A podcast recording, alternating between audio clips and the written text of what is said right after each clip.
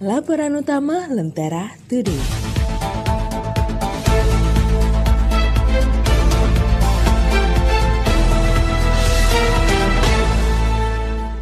Tumpulnya taring penegak hukum.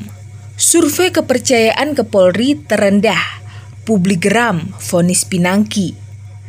Tak hanya dalam hubungan romantis, kepercayaan juga menjadi salah satu kunci penting pemerintah dalam menjalankan tugasnya. Tapi bagaimana bila kepercayaan rakyat mulai luntur terhadap kondisi hukum di RI? Hasil survei publik mengatakan penegakan hukum di Indonesia makin buruk. Polri menjadi lembaga yang mendapatkan kepercayaan terendah. Tak hanya itu, pemberantasan kasus korupsi di negeri ini juga makin diragukan. Gaduh internal KPK bak membuat telinga warga mendengung hingga pesimistis terhadap kinerja Komisi Anti Rasuah ini. Lembaga lain, kejaksaan juga mengalami kemerosotan, termasuk kekecewaan terhadap putusan vonis ringan Jakasa Pinangki. Belum lagi berbagai kebohongan bidang hukum kala pandemi COVID-19 masih melanda RI.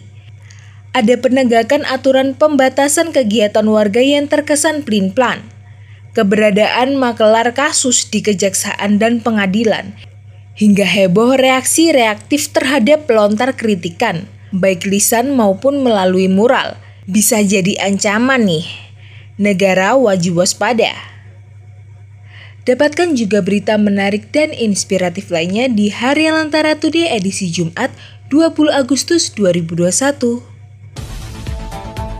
Dapatkan juga berita menarik dan inspiratif lainnya di Harian Lentera Today edisi Rabu 18 Agustus 2021. Cek edisi digitalnya di www.lenteratoday.com.